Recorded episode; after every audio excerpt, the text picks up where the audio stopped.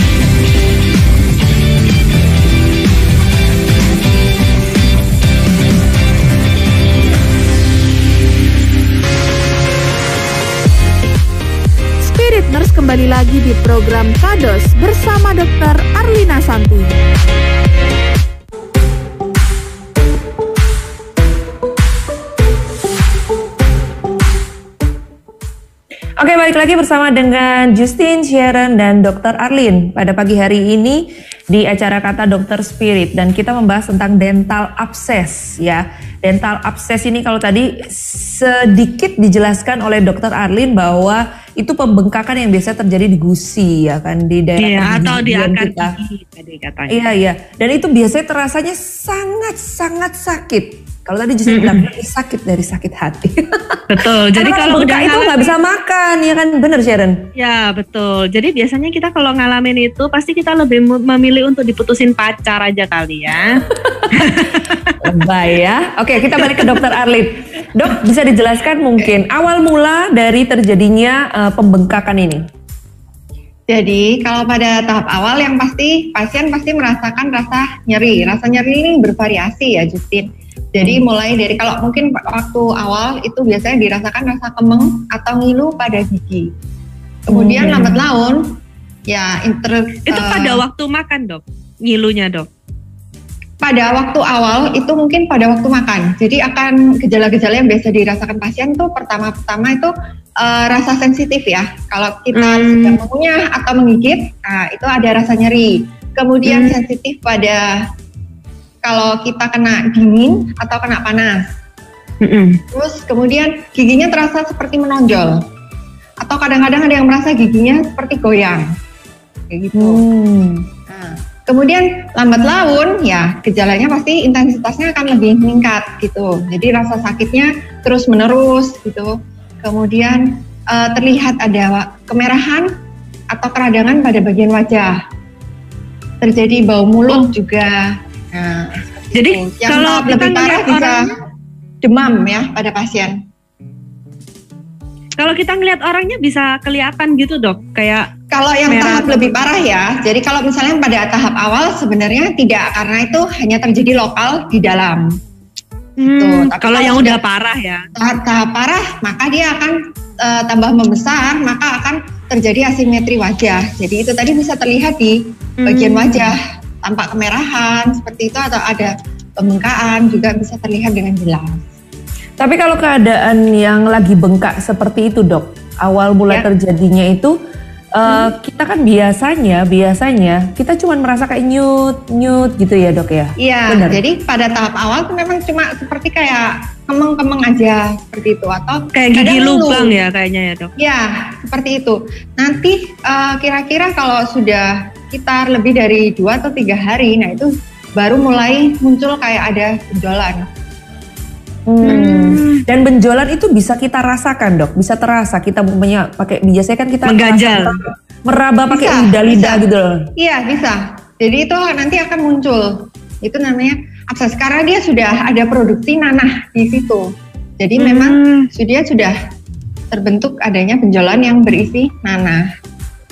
Sebetulnya nanahnya itu eh, nanah kan katanya kalau ada infeksi ya dok ya. Berarti infeksinya dari mana ya dok? Kan posisi gigi kan tertutup gitu.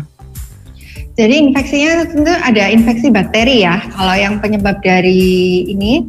Eh, ya, saya jelaskan dulu dari ini ya, lebih jelas ada ilustrasinya.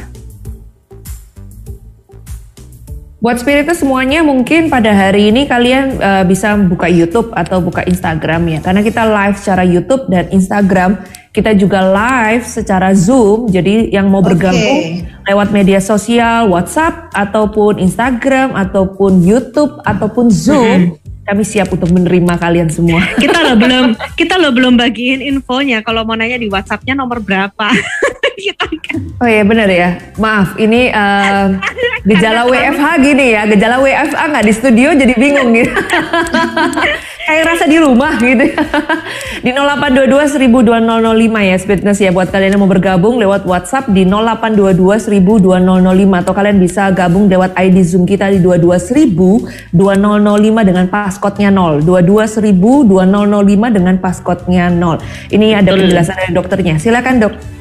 Oke, jadi eh, akses gigi itu biasanya terbentuk paling banyak adalah karena eh, gigi gangren atau nekrosis gigi. Nekrosis gigi itu maksudnya giginya menjadi mati. Kenapa giginya bisa menjadi mati? Nah, itu diawali dari adanya karies gigi atau lubang pada gigi. Nah, Hmm. pada bagian awal ini ya seperti terlihat ya, ini kan ada lubang di bagian emal, kemudian akan menembus ke bagian dentin, kemudian selanjutnya dia akan menembus di bagian jaringan pulpa, di mana jaringan pulpa ini berisi dengan sel-sel dan jaringan saraf gigi. Jika sudah sampai infeksi bakteri menginvasi di seluruh jaringan pulpa, maka akan terjadi kematian gigi. Tadi yang disebut dengan nekrosis gigi. Nah, jika sudah Hmm. sampai ke sini, dia akan terus berjalan sampai ke ujung akar. Hmm. Pada tahap yang lebih lanjut, maka akan terbentuk abses keluar dari akar gigi itu menyebar ke jaringan di sekitarnya. Ah, Jadi itu yang membuat itu yang membuat hal Jadi, itu jadi abses. eh, abses ya. iya, betul sekali. Berarti awal Jadi mulanya dimulai dari lubang ya dok? dari lubang, tapi tidak selalu ya, karena penyebab dari penyebab dari abses gigi itu sebenarnya ada bermacam-macam. Salah satunya yang paling sering dijumpai itu adalah karena gigi mati tadi, nekrosis gigi. Ada Sebentar kalau gigi mati itu kenapa dia bisa mati ya dok ya? Karena dikasih tadi makan. ada infeksi bakteri dari tadi bagian dari bagian enamel tadi, kemudian menembus ke bagian eh, jaringan saraf pulpa dari gigi. Nah, dari jaringan saraf tadi jika sudah terinfeksi oleh bakteri, ya, maka lambat laun dia akan menjadi mati karena eh, bakteri-bakteri ini itu dia membuat kerusakan. Sebentar dok, kalau berarti kalau gi- eh, gigi itu sudah dalam tanda kutip mati seperti yang dokter bilang sam- Iya. eh, sampaikan tadi, nggak bisa kita hidupkan lagi ya? tidak bisa Justin. Mau Tidak nggak mau dicabut ya dok? Oh, tidak harus dicabut. Nanti ada Oh. berbagai pilihan untuk perawatannya. Jadi pencabutan selalu adalah pilihan terakhir. Tuh, itu adalah opsi terakhir jika perawatan-perawatan yang lain sudah tidak bisa kita lakukan. Ya itu bedanya kalau dokter ya. Dokter itu mencabut itu adalah pilihan terakhir. Kalau buat Justin kalau sakit gigi pilihan pertama cabut dok. Tapi untuk dokter-dokter variasinya? itu, ya, untuk dokter-dokter itu baik semua ya. Kalau tidak mungkin gigi Justin sudah habis ini. Saya cabut dok, ini yang cabut dok, ini cabut, cabut semua gitu ya. Ompong nanti kamu Justin. Hilang cantiknya loh nanti. Oh terima kasih. Ini sekarang ya masih tampak lebih cantik karena memang giginya masih ada. Loh, dok, saya pernah ya dok ya ngalamin Ya. ini abses gigi ini. Tapi padahal gigi saya tuh sebelumnya nggak kenapa-kenapa dok, nggak juga lubang, nggak juga maksudnya mati juga, enggak dok. Yang gigi bagian depan ini loh dok. Terus tahu-tahu saya mengalami kayak ngilu setengah mati. Meskipun nggak makan juga ngilu gitu. Nah terus Hmm. kata dokter giginya, oh ini abses gitu. Nah itu kok bisa ya dok? Padahal kan nggak ada lubang, nggak ada apa ya? Nah, jadi sebenarnya bermacam-macam sebabnya selain dari gigi lubang. Yang kedua misalnya gigi itu dulu pernah ditambal. Setelah ditambal pernah. kemudian Oh, dokter maksudnya bilang iya dok, eh, gigi saya nggak pernah ditambal. ini konsultasi pribadi jadinya. ya, bagaimana kalau kita selesaikan ini secara off air ya? Nah, dilanjutkan aja dok, Uh, dilanjutkan. dulu juga pernah ini ada trauma atau mungkin ya trauma itu misalnya pernah kayak dulu misalnya bukan kecelakaan ya, misal karena terbentur atau ter, karena jatuh. Jadi Oh, karena betul, betul, atau betul. terjatuh seperti itu, dia bisa menyebabkan luka pada bagian jaringan saraf gigi itu dan jaringan Oh. penyangganya. Itu juga bisa menyebabkan abses. Nah, itu tadi penyebab-penyebab lainnya ya selain dari eh, nekrosis gigi. Kadang-kadang gigi patah itu juga bisa. Nah, kadang Hmm. kalau ada benturan seperti tadi yang Sharon eh, alami ya, mungkin atau Mm-mm. jatuh tidak sengaja seperti itu. Tidak selalu giginya itu patah, tetapi kadang ada retaan dan di dalam Hmm. akar sudah terjadi luka.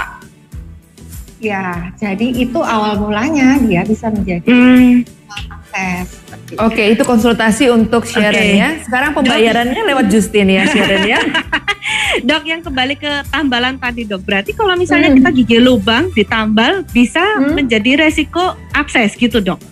Kadang-kadang juga bisa. Jadi kadang pada kasus apa? Yaitu pada kasus misalnya eh, tambalan itu sudah besar. Jadi lubang giginya sudah besar. Kadang Hmm. memang karena lubang yang sudah besar itu sudah tahap kritis. Jadi dia sudah uh, lapisan yang untuk melindungi jaringan saraf gigi itu sudah sangat tipis. Hmm. Uh, dokter gigi berusaha mempertahankan saraf giginya supaya masih tetap hidup, ya. Jadi hmm. tidak langsung dilakukan perawatan saraf. Hmm. Jadi kita bisa misalnya uh, dirawat dengan penggunaan obat-obatan untuk melindungi saraf tadi supaya tetap hidup. Kemudian ditambal biasa. Nah, hmm. dalam waktu ya ada infeksi bakteri yang tidak terlihat kasat mata itu hmm. dia sudah menembus ke bagian saraf. Nah, itu lambat laun bisa menyebabkan uh, apa namanya akses ini tadi. Kemudian penyebab yang lain juga misalnya ada giginya sudah ditambal, tetapi kenapa bisa akses? Karena tambalannya bocor. Hmm. hmm. Ya, kadang-kadang ada retakan kecil atau dia sudah pecah kecil atau kadang-kadang uh, tambalan itu lepas, tetapi dia masih menempel. Jadi istilahnya itu dia lepas ya, sebenarnya. Ya, pasien tidak merasakan karena tempelannya masih ada di situ. Sedangkan kalau waktu kontrol ke dokter gigi, ya, dokter gigi pasti sudah mengetahui, oh ini sebenarnya tempelannya sudah lepas, tidak menempel pada atau okay. kadang sudah terlihat ada retakan-retakannya. Itu awal mula dari kebocoran. Hmm. hmm. Jadi kemungkinan-kemungkinan besar yang bisa terjadi untuk uh, peradangan ini ya salah satunya ya karena ada gigi yang mati, ada gigi tambalan ataupun kayak tadi Sharon yang alami. Mungkin aja benturan, ada benturan atau terjatuh trauma. dan itu yang ya, iya, trauma, trauma yang dialami ya. giginya ya, Dok ya, gusinya ya sehingga sehingga terjadinya peradangan itu. Lah, kalau gini dok, kalau ternyata uh, dari tadi dokter kan sebutkan kalau ditambal kan ya. Kalau ternyata kalau sudah ditambal dan terjadi abses, apa yang harus dilakukan? Hmm. Apakah tambalannya dicabut terus diperbaikin dulu atau apa yang bisa dilakukan kalau sudah tambalan seperti itu, Dok? Oke. Jadi sebenarnya kita untuk mengetahui akses kita harus mengetahui dulu uh, beberapa jenis dari akses gitu. Hmm. Kenapa? Karena ada beberapa jenis dari akses, maka penanggulangannya, cara mengobatannya juga harus uh, berdasarkan dari penyebabnya. Oh, ternyata akses ada banyak ya dok ya? Saya pikir ya, cuma satu dok. Namanya aja abses kan? Itu singkatan dari ya. absensi. Ya Akses lagi. Balik lagi ya. Akses gigi itu sebenarnya ada beberapa macam, cuma yang paling sering kita jumpai itu adalah ada tiga macam. Itu nih ya, sudah terlihat ya gambarnya? Mm -hmm. Ya. Oke. Oh ini lokasinya ya. ya dok ya? Ya, jadi yang pertama adalah gingival abscess. Ya itu berarti aksesnya berada di daerah gusi ya di gusi di kiri kanan gigi ya? Leher, leher dari mahkota gigi ya. Kemudian yang kedua adalah periodontal abscess kalau periodontal abscess itu berarti absesnya terjadi di jaringan periodontal. Jaringan periodontal itu adalah jaringan penyangga gigi ya.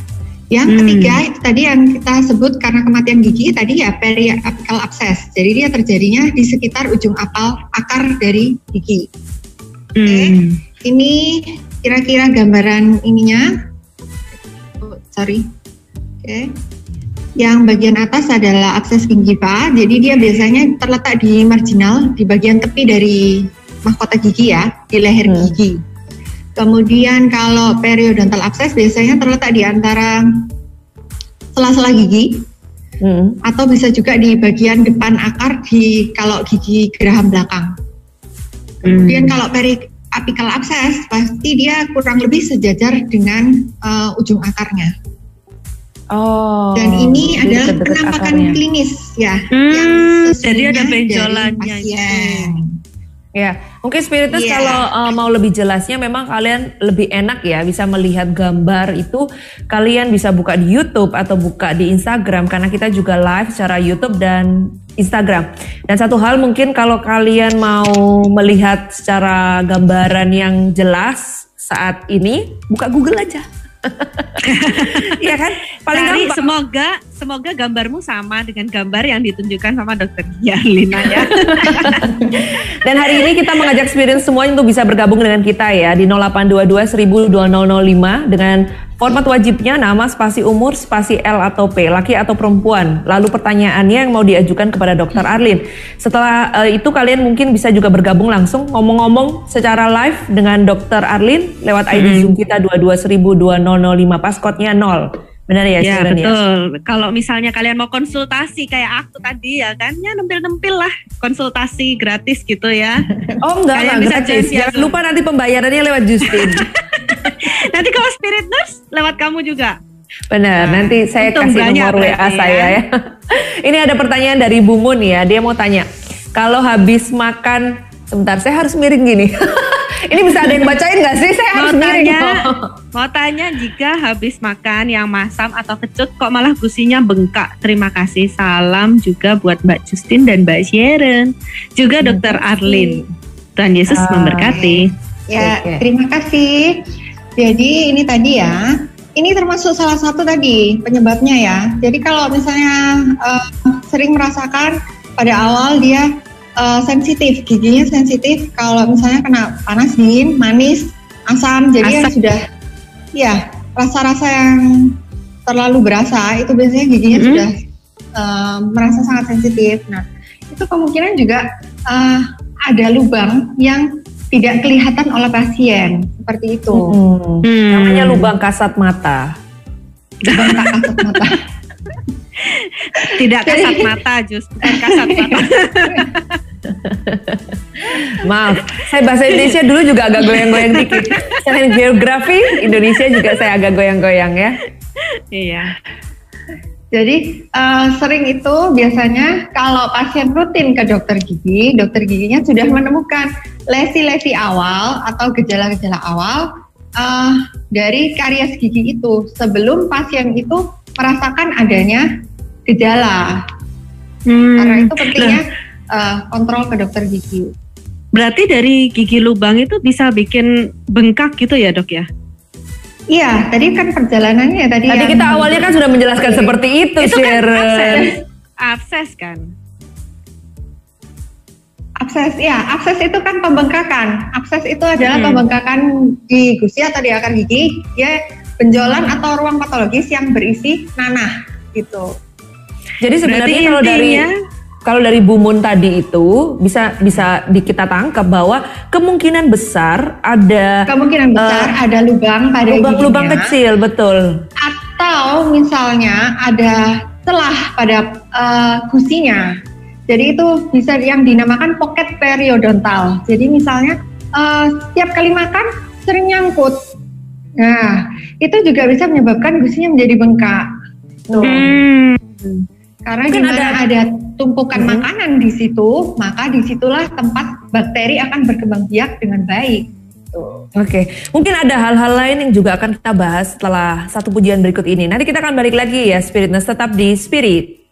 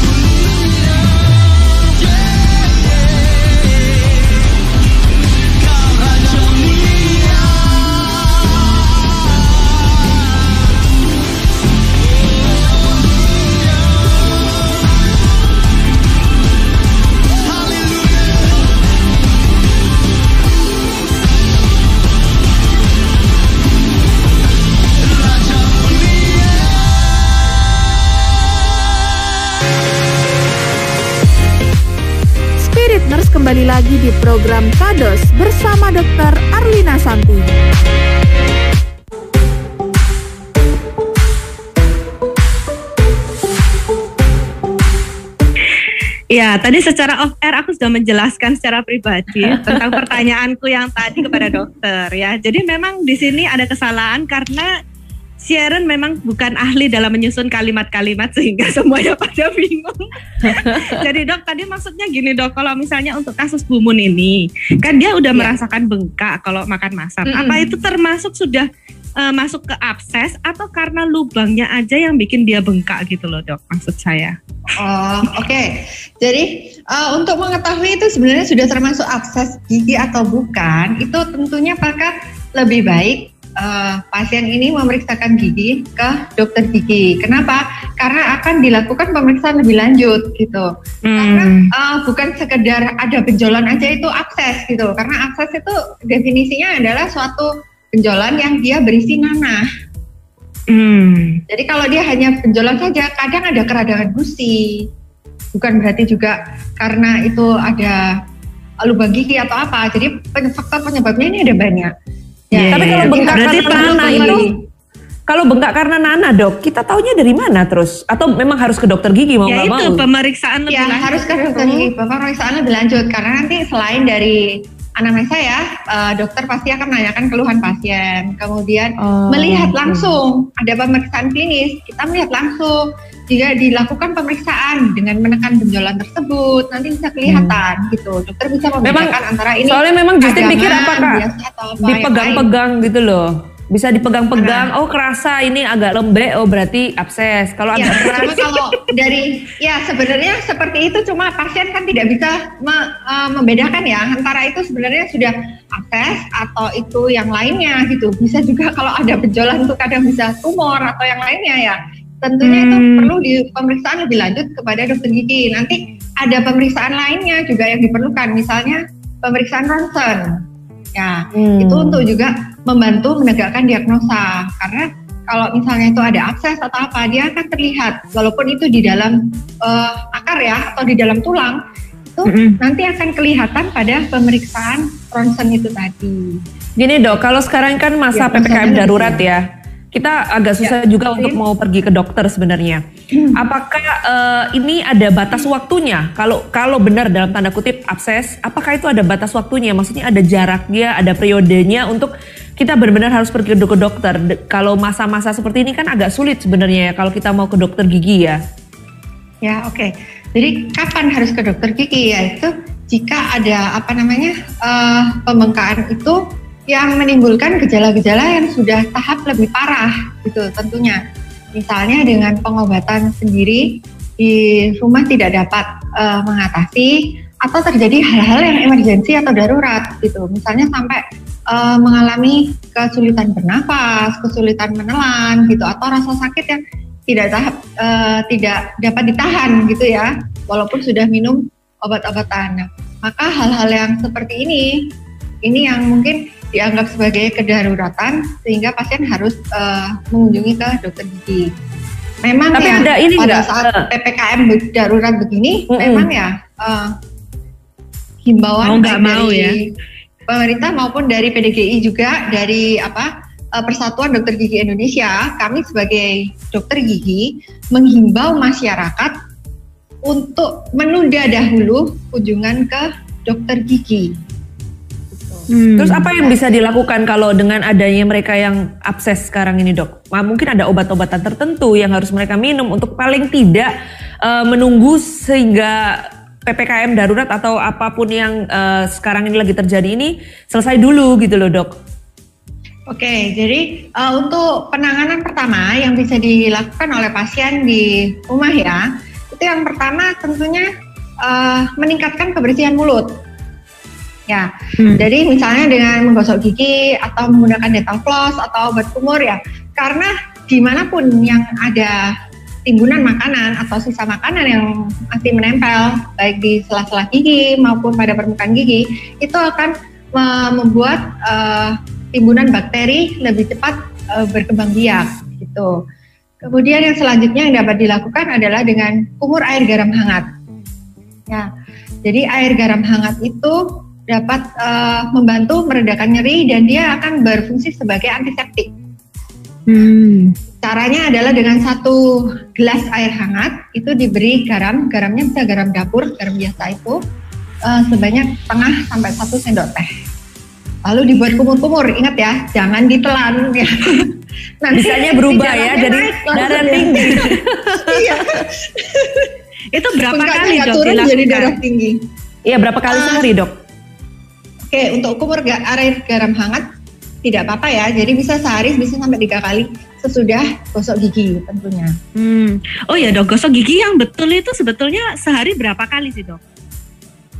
Sesudah makan. Jadi minimal, minimal tuh dua kali sesudah makan Jadi pagi Sharon, dan malam. Sharon setiap dua jam tiga jam makan dua jam tiga jam kamu harus sikat gigi Sharon. lebih sering. gitu ya. Nah, ya kalau makannya sekali. lebih sering atau sering-sering kemil, nah itu juga lebih baik memang sikat giginya bisa lebih sering gitu. Oh boleh aja kali- ya dok ya. Boleh aja. Soalnya boleh kadang aja. dulu tuh kayak ada yang ngomong kalau terlalu banyak sikat gigi itu malah nggak boleh gitu loh. Nanti emailnya katanya bisa eh, apa Iya, apa sih? tipis apa apa terkikis gitu loh ya. dok. Nah, gitu, iya, kalau. ML terkikis itu beda lagi. Itu biasanya disebabkan karena cara menggosok gigi yang salah gitu. Jadi Hmm. arahnya. Jadi bukan Oh, karena ininya, oke. tapi karena Bukan arahnya. karena seringnya, tapi karena arahnya yang salah ya dok arah ya. menggosok giginya yang salah. Arah yang menggosok gigi yang benar itu kan diputer-puter gitu kan dok ya dari Naik atas ke turun bawah ya, atau dari, dari bawah ke arah- atasnya. Dari gusi ke gigi arahnya. Hmm, Ya. dari Oh. gusi ke gigi. Jadi Ya, Sharon kalau jangan kamu dari sikat horizontal. gigi, Jadi kalau biasanya zaman dahulu Ah. kan banyak pasien yang sering ya horizontal aja langsung lurus Kalau- aja kalau gini. samping Nah, itu, itu yang yang akan susah. menyebabkan keausan atau eh, ML-nya jadi terkikis. Hmm. Soalnya kalau yang di samping itu loh susah. Kalau misalnya Gini loh, Sharon. Ya, Kalau- itu kan lebih kalau- gampang seperti itu kan. Ah, nah, kalau tekniknya Justin ya Sharon ya, Hmm. giginya itu jangan dirapetin. Jadi di giginya itu agak sedikit dibuka. Terus habis itu di atas bawah, atas bawah, atas bawah gitu. Kan itu otomatis kan dari atas ke bawah. Oke, nggak- nanti aku les sama kamu ya, Jus ya. Oke, nanti kita praktek khusus pas off air ya. Iya.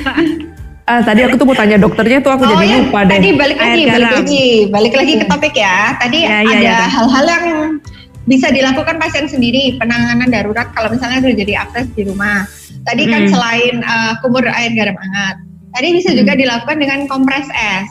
Jadi kompres Mm. dingin ya. Dengan es Hmm. batu kita bungkus dengan handuk gitu, lalu kita kompreskan ke bagian yang bengkak. Bengkak. Oh. Oh ini tadi yang Justin mau tanya dok, dok yang kalau bengkak itu boleh disikat nggak?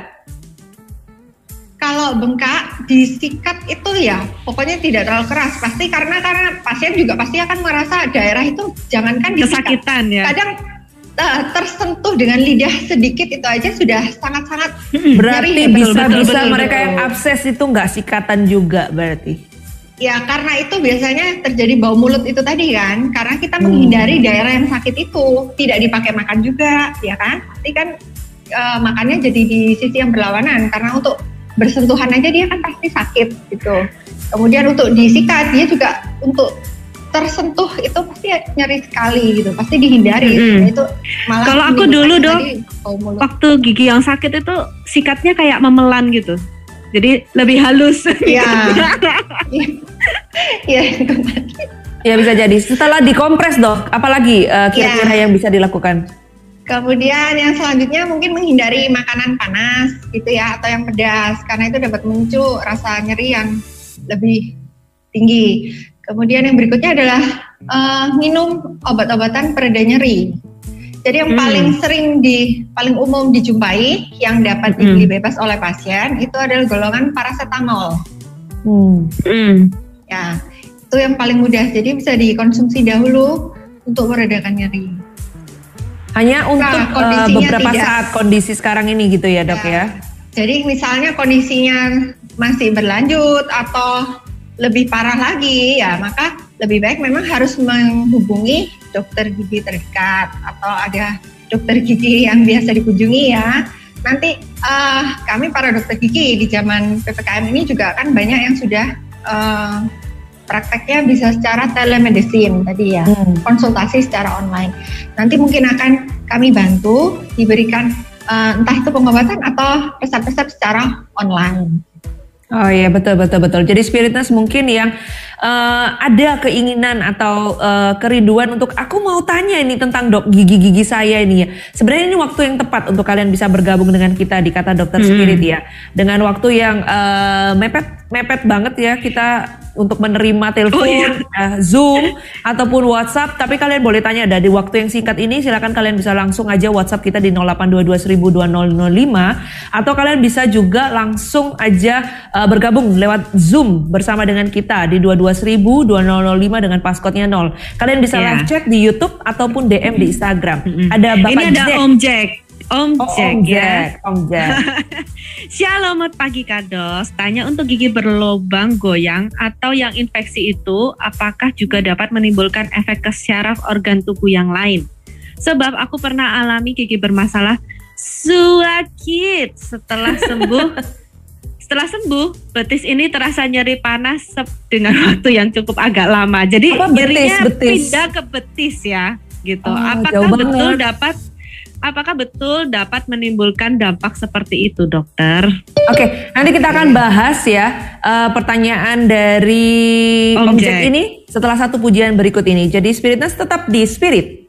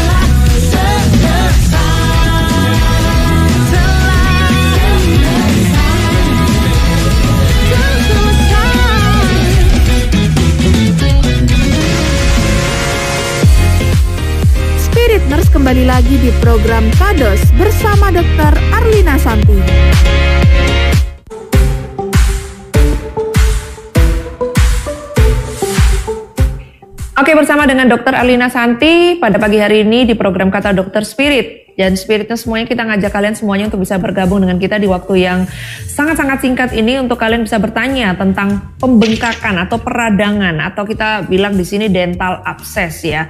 Di mana kalian uh, mungkin pernah mengalami atau sedang mengalami atau mungkin ada keluarga yang juga mengalami, kalian bisa langsung konsultasi dengan dokter Arlina Santi di waktu yang sangat-sangat mepet ini seperti tadi yang Om Jack lakukan. Om Jack tadi itu uh, menyampaikan bahwa giginya itu pernah bengkak Terus setelah itu bisa pindah ke betis. Nah itu juga sebenarnya Justin kurang mengerti itu ya. Kok bisa uh, sakitnya itu bisa berpindah. Tapi di sini juga ada Suranto ya. Ada Suranto yang bergabung. Nanti sebelum Suranto kita akan menjawab dari Om Jack dulu. Silakan dok. Oke, ya terima kasih tadi untuk pertanyaannya.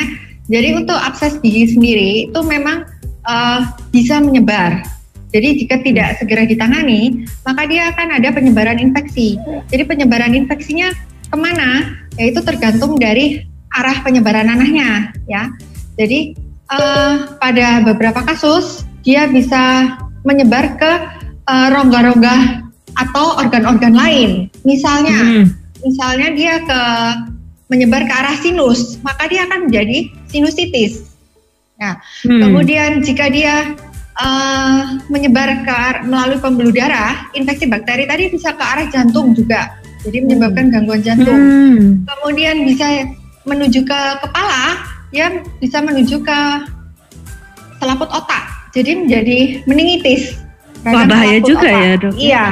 Jadi pada uh, kondisi yang lebih lanjut lagi, parah lagi, dia bisa uh, menyebabkan pembengkakan pada dasar mulut Gimana jika pembengkakannya cukup besar, dia akan menekan pada jalan nafas, menyebabkan pasien tadi menjadi kesulitan bernafas. Itu bisa mengancam keselamatan jiwa. Kemudian pada tahap yang paling parah itu bisa terjadi sepsis. Sepsis itu adalah uh, infeksi yang terjadi pada seluruh tubuh. Ya, akan terjadi komplikasi yang benar-benar sudah mengancam keselamatan jiwa dari pasien.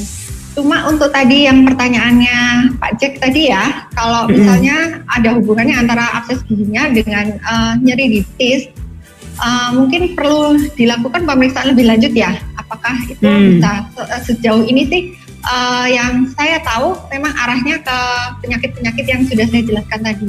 Jadi kalau untuk ke yang tadi disebutkan uh, mungkin sepertinya tidak berhubungan langsung dengan akses gigi.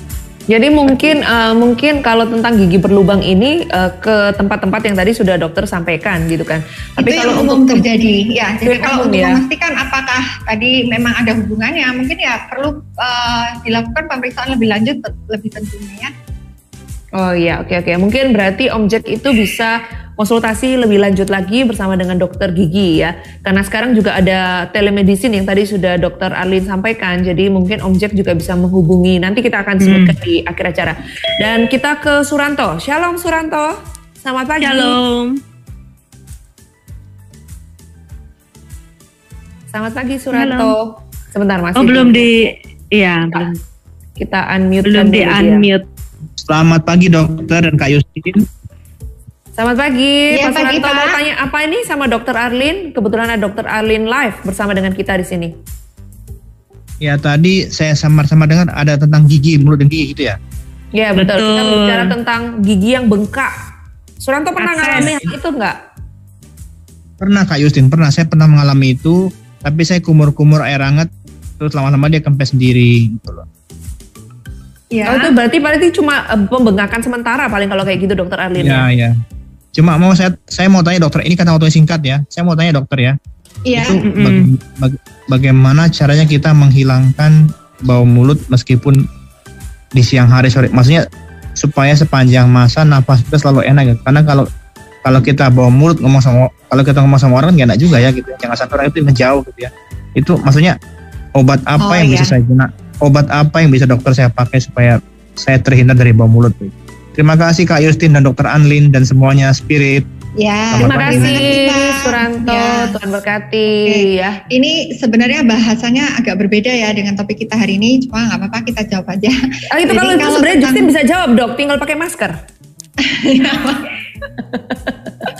silakan silakan silakan dokter Oke, Arlin Untuk menjelaskan. bau mulut ya Pak Suranto, kalau bau mulut ini sebenarnya banyak banyak ini faktor penyebabnya juga. Jadi yang pasti pertama yang dapat dilakukan adalah meningkatkan kebersihan mulut karena tadi itu juga eh, infeksi dari bakteri itu dia akan lebih lebih banyak berkumpul jika ada sisa-sisa makanan atau timbunan plak. Jadi otomatis kita harus meningkatkan kebersihan mulut dengan gosok rajin menggosok gigi, kemudian menggunakan dental floss dan menggunakan obat kumur. Ya, kemudian yang selanjutnya dapat dilakukan adalah eh, membersihkan karang gigi, Pak Suranto. Jadi sering orang tidak tahu bahwa karang giginya ternyata sudah menumpuk tebal. Nah, penumpukan dari karang gigi itu eh, disertai dengan banyak penumpukan bakteri di daerah tersebut. Itu yang paling Hmm. sering menyebabkan adanya eh, gingivitis atau sampai periodontitis. Jadi radang pada gusi itu menyebabkan bau mulut gitu. Kemudian yang lanjutnya lagi eh, harus juga dilakukan pemeriksaan apakah ada gigi-gigi yang lubang, ada yang infeksi, ada gusi-gusi yang bengkak. Nah, seperti itu juga akan menyebabkan bau mulut gitu. Nah, jadi nanti ada banyak hal yang bisa dilakukan ya. Jadi, Jadi harus diketahui dulu penyebabnya apa tapi- dulu ya dok. sekali. Kadang-kadang juga ada pasien yang misalnya dia karena punya sakit mah, jadi asam lambung yang Hmm. tinggi itu dia dapat naik. Nah itu juga dapat menyebabkan bau mulut. Jadi fak- banyak faktor yang menyebabkan bau mulut. Cuma yang paling gampang tadi ya, yang pertama dapat meningkatkan kebersihan mulut, Hmm. Iya, dapat benar, mengurangi dari bau mulut. Jadi kalau eh, tadi sempat dokter Arlin juga sampaikan bahwa membersihkan gigi itu memang minimal dua kali sehari. Tapi paling bagus adalah sewaktu kita selesai makan, kita juga sudah membersihkan gigi kita. Supaya paling tidak kita menghindarkan dari bau mulut, juga kita menjaga kebersihan gigi kita, gusi kita. Kita juga bisa terhindar dari akses Jadi dental paling akses tidak itu. misalnya di antara makan, misalnya kita sering ngemil atau apa, paling tidak sesudah itu bisa dilakukan kumur-kumur. Nah, paling tidak bisa membilas dari sisa-sisa makanan tadi. Kalau misalnya tidak Hmm. sempat eh, bisa sering bergosok menggosok gigi.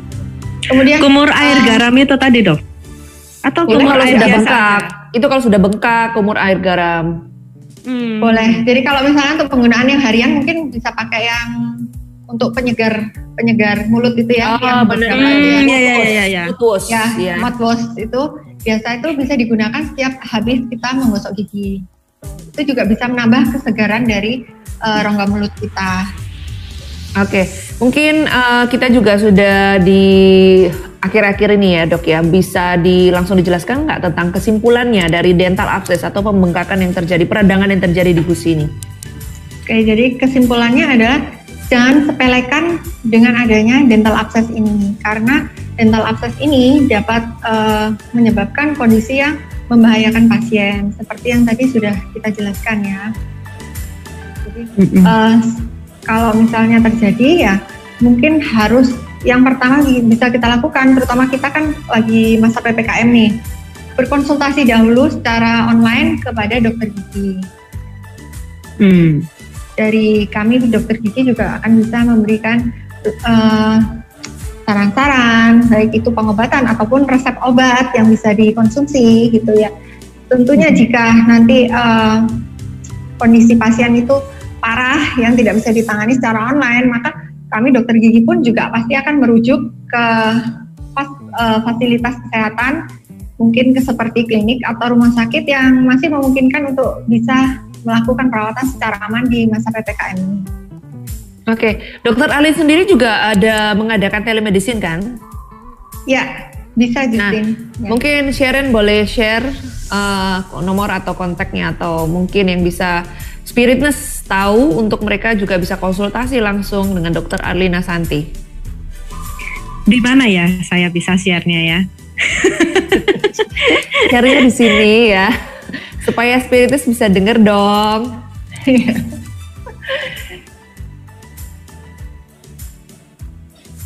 Tolong saya dikasih bocoran. Bocorannya tolong Jadi dibuka, nanti mungkin bisa- tolong dibuka chatnya ya. itu udah nggak ada, nggak ada. Itu kelihatannya private, Jus.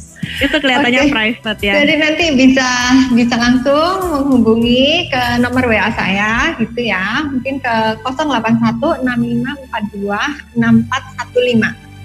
Oke, jadi spiritness semuanya mungkin bisa langsung menghubungi di Dr. Alina Santi di 081654264415. Benar ya dok ya? Ya. Jadi kalian bisa langsung aja eh, telemedicine dengan Dr. Arlin. Jadi kalian bisa langsung eh, tanya-tanya dok, kalau keadaan kayak gini, kayak gini, ini gimana? Terus sekarang ppkm ini apa yang harus aku lakukan? Minum obat-obat seperti apa yang bisa aku minum gitu kan? Itu akan sangat-sangat membantu. Paling tidak untuk mereka yang saat ini lagi sakit gigi. Karena Ya. kalau Sharon tadi bilang lebih baik pacar diputusin. Hmm. Nanti jangan sampai spirit nurse bilang sama pacarnya, tolong putusin aku. Kenapa? Aku lagi sakit gigi. Oke, terima Lucu kasih ya, buat Dokter ya. Alin. Lucu lucu. Terima kasih buat Dokter Alin yang tadi sudah menemani kita selama satu jam membahas tentang eh, pembengkakan, peradangan atau dental abscess yang kita bahas. Ya. Dan itu sangat-sangat membantu sekali untuk semua spiritness yang mungkin sekarang-sekarang ini kalau ppkm darurat susah banget untuk kita ke dokter gigi. Karena eh, di mana-mana juga mereka juga biasanya eh, untuk apa ya? Kalau tadi dokter Alin sempat, sempat bilang praktek mereka juga beberapa yang tutup ya. Dianjurkan untuk tidak ke dokter gigi, benar ya dok ya? Iya, betul sekali ya. Karena ini tentunya untuk eh, mengikuti anjuran dari pemerintah yaitu untuk memutus mata rantai dari penyebaran COVID. Selain itu juga menekan secara mak- semaksimal mungkin agar kita tidak tertular dari virus corona ini. Betul, betul. Oleh sebab itu mungkin kalian lebih baik untuk konsultasi cara telemedicine dulu aja dengan dokter Arlina Santi. Seperti nomor yang tadi kita sudah sampaikan. Dan Spiritness, eh, akhir kata kita mau ucapin buat kalian semuanya tetap sehat ya. Tetap eh, jalankan protokol kesehatan 5M. Protokol kesehatan. Ya. memakai masker, mencuci tangan, menjaga jarak, mengurangi eh, aktivitas ya. Mobilitas. Kita juga sekarang eh, ppkm darurat memang nggak boleh ke mana-mana, justru aja WFH di rumah gitu kan. Di rumah Dan saja, juga, ya. Iya benar di rumah saja. Dan yang terakhir kita juga kalau bisa ya kita juga menjauh dari segala kerumunan. Jadi Kerumunan. ada kalau sekarang ini mungkin beberapa orang uh, lagi mengejar vaksin ya. Beberapa vaksinasi ada di berbagai tempat. Itu kalau bisa memang itu kan kerumunan yang terjadi juga ada cukup rame. Kalau bisa kita menjaga jarak dengan orang-orang yang di sekitar, di sekitar kita. Jadi paling tidak ada sekitar ya 1-2 meter dengan mereka semuanya. Dan kita semua menjaga kesehatan kita supaya kita tetap prima kita tetap sehat kita tetap dapat menjalani hari-hari kita dengan luar biasa setelah COVID ini selesai. Terima kasih Dokter Arlin. Sama-sama, terima kasih. Terima juga, kasih. Terima kasih Sharon. Ya. Thank you, thank you buat uh, Sally dan juga Andro yang sudah membantu kita dari studio ya. Thank you banget kalian luar biasa ya walaupun kita WFA di sini kalian juga tetap bisa membantu kita semuanya. Terima kasih juga buat Spiritness yang sudah bergabung juga ada Om Jack, ada Suranto, juga ada Bu Ibu siapa tadi? Moon ya. Ibu Mun. Ya. Ibu Moon. Oke, terima kasih buat semua spiritness. Akhir kata kita mengucapkan keep the spirit, keep the fire, and Tuhan Yesus memberkati. God bless you.